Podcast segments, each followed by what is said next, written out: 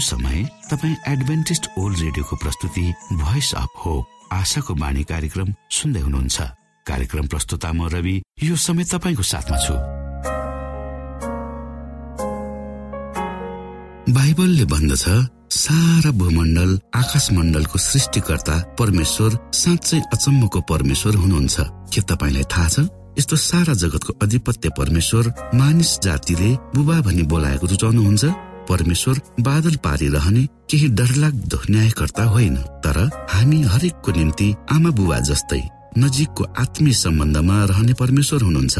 यस्तो प्रेमी र परमेश्वरको विषयमा धेरै भन्दा धेरै जानकारी लिएर आफ्नो जीवनको बाँच्नुको उद्देश्यलाई बुझ्न सक्नुहुनेछ। जीवनको अर्थ बुझ्नु हाम्रो उत्तरदायित्व हो। आशाको बाणी कार्यक्रमले यी गहन कुराहरू बुझ्न तपाईँलाई मदत गर्दछ। आउनुहोस् हामी तपाईँलाई हाम्रो कार्यक्रममा स्वागत गर्दछौ।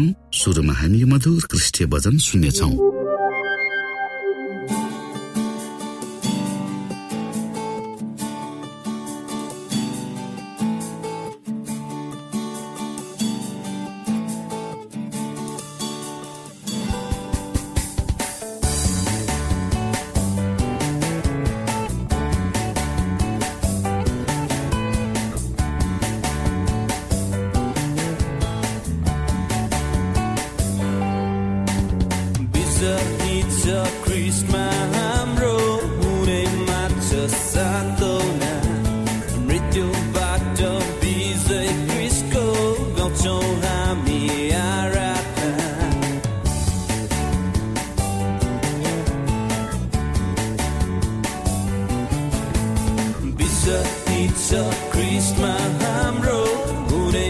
Mucho santo.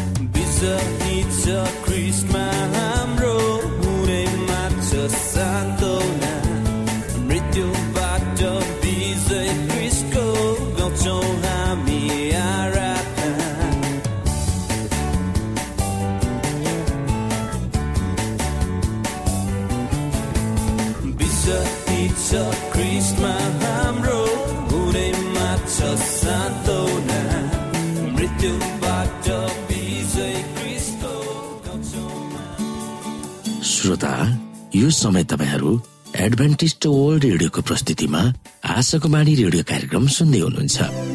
म तपाईँहरूको मित्र पास्टर धनलाल राई यहाँहरूको बीचमा परमेश्वरको वचन लिएर आएको छु। मलाई आशा छ तपाईँका दैनिकीहरू ठिकठाकसँग प्रभुको अगुवाईमा बित्दैछ। श्रोता तपाईँको बीचमा कुनै किसिमका अप्ठ्याराहरू छन्? तपाईँमा कुनै पनि किसिमका खराबीहरू छन्? तपाईँको जीवन दुविधामा बितिरहेको छ? त्यसो हो भने आउनु श्रोता हामी सँगै यस कार्यक्रम मार्फत हातेमालो गरौं। श्रोता आज म तपाईँको बीचमा आत्मिक क्रान्तिका अग्रज यसु ख्रिस को हुनुहुन्छ भनेर बुझ्नेछौ।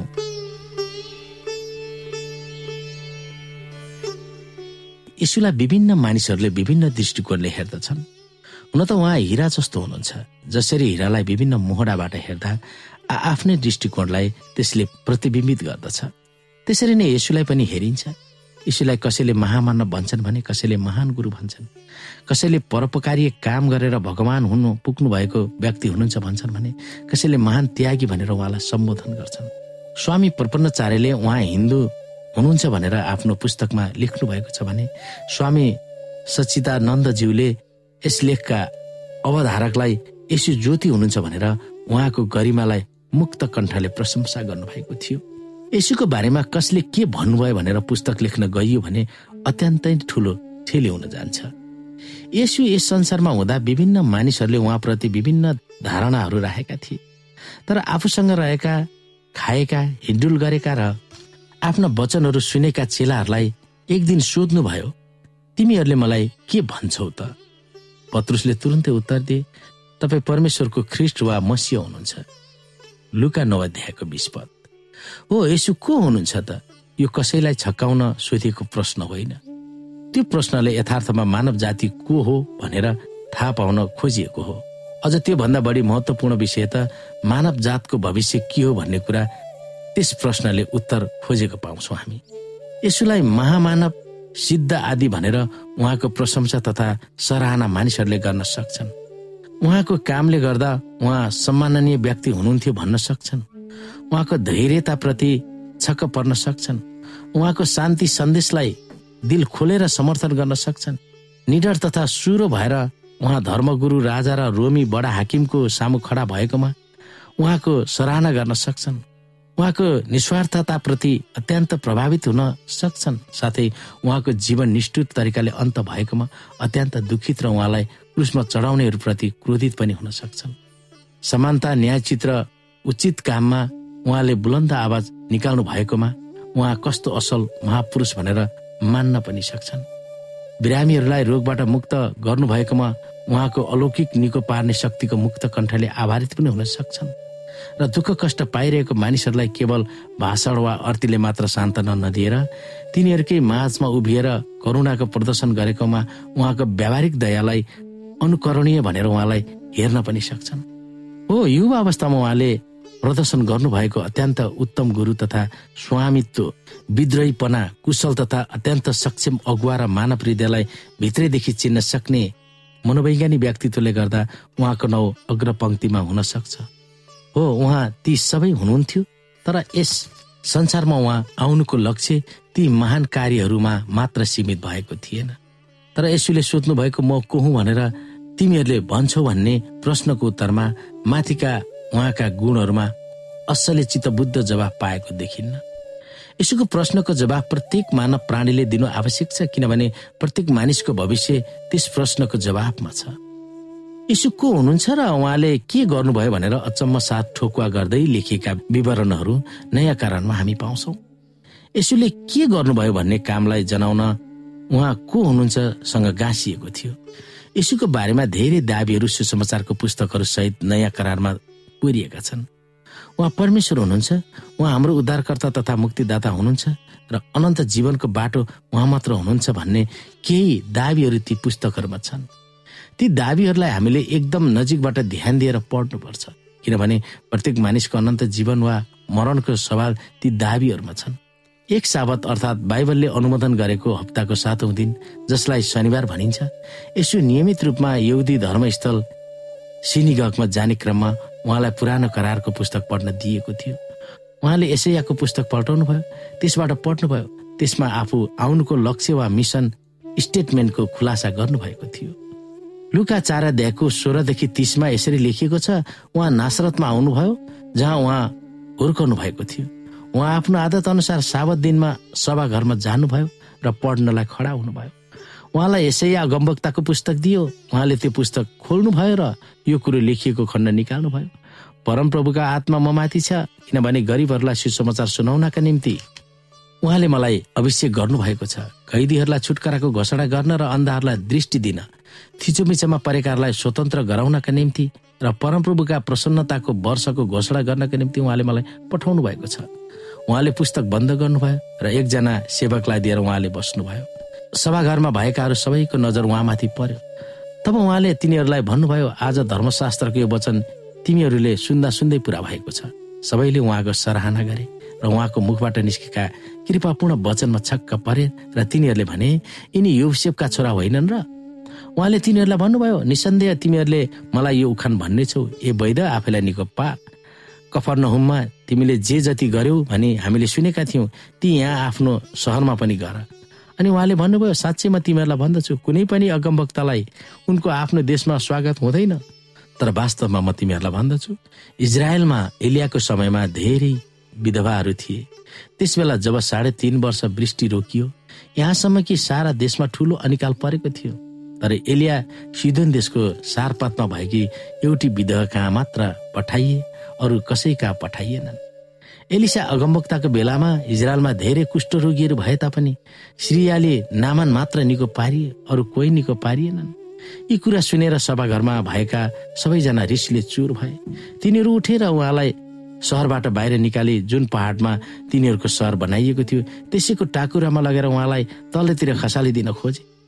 तर उहाँ तिनीहरूका बीचबाट छिरेर निस्किजानुभयो। यीशुलाई देखेपछि उहाँका गाउँका मानिसहरू पहिला त अत्यन्त खुसी भएका थिए। उहाँले अन्त अनेकन अलौकिक कामहरू अचम्म तरिकाले गर्नुभएको थियो। अब उहाँ आफू हुर्किएको गाउँ नासरतमा आउनु भएको थियो। जब उहाँले अचम्मका वचन पढ्नुभयो र बोल्नुभयो तिनीहरू तिनीहरू अत्यन्त छक्क परेका थिए। जब तिनीहरूको गलत भावनालाई यसले सच्याउनु भयो तब तिनीहरूमा नकारात्मक जोस भरिएको थियो। तिनीहरू उहाँप्रति आक्रामक भएर हत्या गर्न खोजेका थिए। तर उहाँ अचम्म तरिकाले उनीहरूकै भिडबाट उम्कनु भयो भिडको हल्ली खल्लीमा उहाँलाई चिन्न सकिएन। किनभने उहाँले आफूलाई चिनाउन कुनै अलग रङ्ग वा आफू धर्मगुरु हुँ भनेर पहिचान दिने खालको पोसाक पहिरिनु भएको थिएन। यसैको बारेमा जेलमा थुनिएर बसेका बत्तिसमा दिने योहन्नाले पनि सोधेका थिए त्यो कुन परिवेशमा सोध्न उनी बाध्य भएका थिए? हामी हेर्न सक्छौ लुका सात अध्यायको सातदेखि बाइस। उहाँको विषयको यो चर्चा सारा यौदिया र छेउछाउका समस्त जिल्लाहरूमा फिजियो।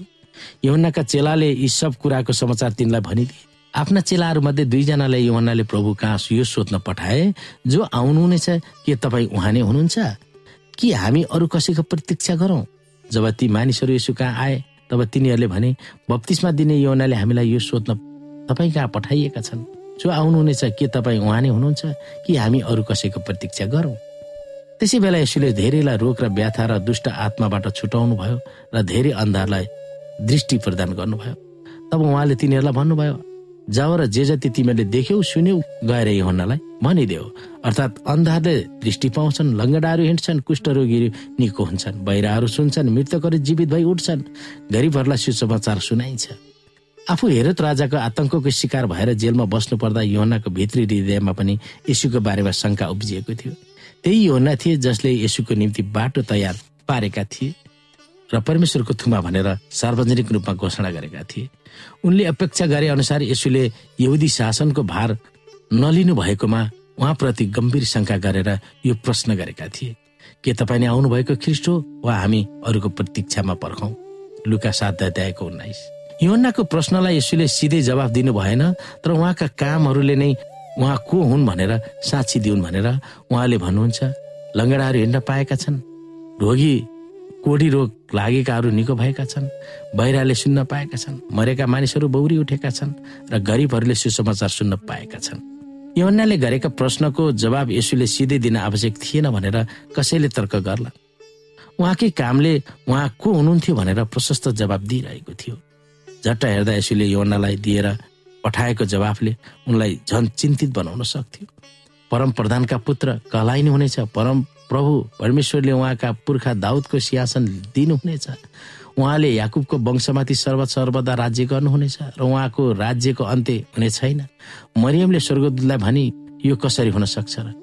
किनकि म एक कन्या हुँ। स्वर्गदूतले तिनलाई जवाब दिएर भने पवित्र आत्मा तिमीमा आउनुहुनेछ सर्वोच्चका शक्तिको छाया तिमी माथि पर्नेछ। यसै कारण जो जन्मनुहुनेछ अर्थात् परमेश्वरको पुत्र कहलाइनु हुनेछ लुका एक अध्यायको तिसदेखि पैँतिस। त्यसरी नै गोठालाहरूलाई स्वर्गदूतहरूले यो सन्देश दिएका थिए। आज दाउदको शहरमा तिमीहरूका निम्ति एकजना मुक्तिदाताको जन्म भएको छ जो ख्रिस प्रभु हुनुहुन्छ। परमेश्वरलाई मात्र दिने ढोक उहाँले ग्रहण गर्नुहुँदा पिता र म एक हुँ भनेर दावी गर्नुहुँदा उहाँ सृष्टिकर्ता नै हुनुहुन्छ भनेर ठोकुवा गर्न पुग्दा र नयाँ करारमा उल्लेखित अरू धेरै अंशहरूबाट यीशु परमेश्वर हुनुहुन्छ भनेर प्रमाणित गरिँदा यीशुका प्रत्येक भक्तले उहाँको ईश्वरीयतालाई सहर्ष रूपमा स्वीकार गर्दछ। श्रोत साथी बाँकी अंश अर्को प्रस्तुतिमा लिएर आउने बाचा सहित आजको सम्पूर्ण प्रस्तुतिहरूबाट बिदा चाहन्छु। हस्त नमस्ते जय मसिंह। श्रोता तपाईँ आशाको बाढी रेडियो कार्यक्रम सुन्दै हुनुहुन्छ। श्रोता मित्र यदि तपाईँ जीवनदेखि हरेस खानु भएको छ तपाईँका जीवनमा धेरै अनुत्तरित प्रश्नहरू छन् भने आउनुहोस् हामी तपाईँलाई परमेश्वरको ज्योतिमा डोहोऱ्याउन चाहन्छु र तपाईँ आफ्नो जीवनका चिन्ता फिक्रीबाट निश्चिन्त हुनुहोस् र बाँच्नुको आनन्द परमेश्वरको सामिप्यमा कति मिठो हुन्छ त्यो चाख्नुहोस् भनी हामी चाहन्छौँ। श्रोता यदि तपाईँ आशाको बाणी कार्यक्रमलाई अनलाइन सुन्न चाहनुहुन्छ वा डाउनलोड गर्न चाहनुहुन्छ भने डट ओआरजीमा जानुहोस्। त्यहाँ तपाईँले प्रत्येक दिनको कार्यक्रम सुन्न र डाउनलोड गर्न सक्नुहुनेछ। हाम्रो वेब पेज यस प्रकार छ ओआरजी श्रोत साथी म पास्टर उमेश पोखरेल। तपाईँहरूको बिचमा स्वास्थ्य सम्बन्धी जानकारी लिएर उपस्थित भएको छु। आजको मेरो शीर्षक छ क्यान्सर।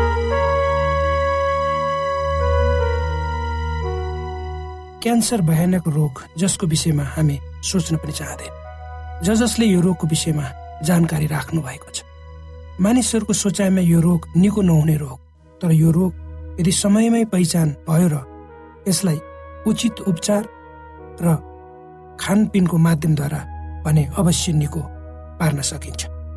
एउटा केटा एलेन भन्ने केटा जब उनी सत्ताइस वर्षको थिए उनीमा क्यान्सर रोग लागेको थाहा पाए आफ्नो जीवनमा बाँच्ने उद्देश्यले प्रेरित भएर प्राकृतिक उपचार विधि मार्फत उनले रोगसँग सङ्घर्ष गर्ने निर्णय गरे। तर त्यसले कुनै फाइदा भएन। तर उनी यो रोगबाट मुक्त हुन उपचारको खोजीमा लागिरहे र दुई वर्षभित्रमा क्यान्सर जस्तो रोगको निदान फलफुलको रस र तरकारीहरूबाट हुन्छ भनी उनले प्रमाणित गरे। यो कुरालाई भर्खरै अमेरिकाका रेडियो टिभी र खबर कागजहरूमा प्राथमिकता दिएर प्रसारण गरियो वा छापियो। एलेनको अनुसार क्यान्सर हुने र त्यसको उपचार गर्ने होइन तर क्यान्सर लाग्नै नदिने जीवनशैली हामीले अप्नाउनु पर्छ अर्थात् जुन जुन कुराहरूले हामीमा रोगहरू निम्त्याउँछन् ती कुराहरूबाट तपाईँ हामी टाढै बस्नुपर्छ। हाम्रो जीवनभरि हाम्रो शरीर विभिन्न विषादी वस्तुहरूबाट प्रदूषित हुन्छन् जुन विषादीहरूद्वारा क्यान्सर र अन्य रोगहरू हामीलाई लाग्छ। यी विषादीहरू हामीले हावा पानी हामीले खाने खाना र औषधि मार्फत आफ्नो शरीरमा प्रवेश गर्दछन्। र यी विषादी वस्तुहरूको मात्रा हाम्रो शरीरमा दिन प्रतिदिन बढ्दै जान्छन् र त्यसबाट क्यान्सर जस्तो रोग लाग्ने सम्भावना पनि बढ्दै जान्छ। यसलाई रोक्नको लागि हामीले हाम्रो शरीरमा जम्मा भएका विषादीहरूलाई निकाल्नुपर्छ। त्यसको लागि हामीले दिनै पछि धेरै मात्रामा ताजा फलफुलको रस र तरकारीहरू खानुपर्छ। जसबाट हाम्रो शरीरको इम्युन सिस्टम वा रोगको विरुद्धमा लड्ने शक्ति दह्रो हुन्छ र हाम्रो शरीरमा भएको विषादी तत्त्वहरू शरीरबाट हराउँदै जान्छ। श्रोत साथी हाम्रो शरीरको संरचना यसरी गरिएको छ कि यसले आफूभित्र रोग प्रतिरोधात्मक क्षमताको वृद्धि आफै गर्दछ। यस विषयमा दुई सय भन्दा बढी लेखहरू लेखिएका छन्। हजारौं मानिसहरू यो निको नहुने भनिएको रोग क्यान्सरबाट निको भएका छन्। हामी जे खान्छौँ हामी त्यही हौ। हामीहरूले आफ्नो जीवनलाई रोगी बनाउनु हुँदैन। हाम्रो जीवनचर्या र खानपानले हामीलाई रोग लाग्नुबाट बचाउँछ र प्रत्येक रोगबाट तपाईँ हामी निको हुन सक्छौ। श्रोत साथी दुर्भाग्यवश हामीलाई लाग्ने धेरै रोगहरूको निदान हामीमै छ भन्ने कुराको चेतनामूलक कार्यक्रमलाई टिभी रेडियो र खबर कागजहरूले प्राथमिकतापूर्वक प्रसारण गरेको पाइन्न। क्यान्सर जस्तो डरलाग्दो रोग पनि खानाद्वारा निको हुन्छ के तपाईँ विश्वास गर्नुहुन्छ? किनकि हामी यस्ता विज्ञापनहरू पढ्न र सुन्न पाउँदैनौँ। किनकि यसबाट कुनै ठुलो धनराशि टिभी खबर कागजहरूले प्राप्त गर्न सक्दैन। तर औषधि उत्पादक संस्थाहरूले आफ्ना उत्पादनहरूको विज्ञापनमा धेरै रुपियाँ पैसाहरू खर्च गर्छन् र उनीहरू सबै मानिसहरू बीच आफ्ना कुराहरू लिएर पुग्छन्। त्यसको आम जनमानसमा ठुलो असर पर्छ किनकि त्यहाँ पैसा हुन्छ।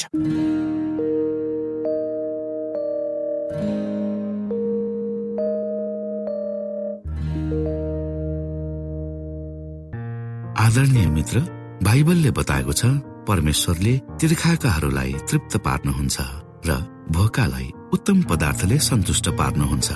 हामीलाई दिइएको यो छोटो समय आशाको बाणीको प्रस्तुतिको समयमा हामीले हाम्रा श्रोताको आत्मिक भोकलाई केही मात्रामा भए तापनि सही प्रकारको खोराक पस्केर आत्मिक सन्तुष्टि दिन सकेका छौँ केही ऊर्जा थप्न सकेका छौँ भनेर हामीले आशा राखेका छौँ।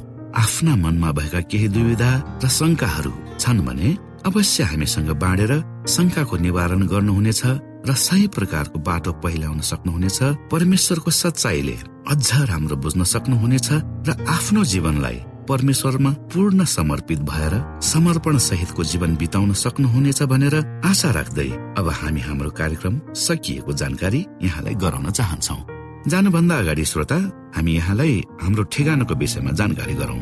हामीसँग पत्राचार गर्ने हाम्रो ठेगाना यस प्रकार छ। आशाको बाणी पोस्ट बक्स नम्बर दुई शून्य शून्य शून्य दुई काठमाडौँ नेपाल। आशाको बाणी पोस्ट बक्स नम्बर दुई शून्य शून्य शून्य दुई काठमाडौँ नेपाल। यसै गरी श्रोता यदि तपाईँ हामीसँग सिधै कुराकानी गर्न चाहनुहुन्छ भने हाम्रो फोन नम्बर यस प्रकार छ अन्ठानब्बे एकसाठी पचपन्न शून्य एक सय बिस र अर्को अन्ठानब्बे अठार त्रिपन्न पन्चानब्बे पचपन्न। यदि तपाईँ हामीलाई अनलाइन सुन्न चाहनुहुन्छ वा डाउनलोड गर्न चाहनुहुन्छ भने तपाईँ W W W dot A W R dot ओआरजीमा जानुहोस् र त्यहाँ तपाईँले हाम्रा सबै कार्यक्रमहरू सुन्न सक्नुहुनेछ। हाम्रो वेब पेज यस प्रकार छ डब्लु श्रोता यसमा गएर तपाईँले हाम्रा दैनिक कार्यक्रमलाई सुन्न सक्नुहुनेछ र डाउनलोड पनि गर्न सक्नुहुनेछ। हवस् श्रोता हाम्रो कार्यक्रम सुनिदिनु भएकोमा एकचोटि फेरि यहाँलाई धन्यवाद दिँदै भोलि फेरि यही स्टेशन यही समयमा यहाँसँग भेट्ने आशा राख्दै प्राविधिक साथी राजेश पास्टर उमेश पोखरेल र कार्यक्रम प्रस्तुता म रवि यहाँसँग विदा माग्दछौ। परमेश्वरले तपाईँलाई धेरै धेरै आशिष दिनुभएको होस्। नमस्कार।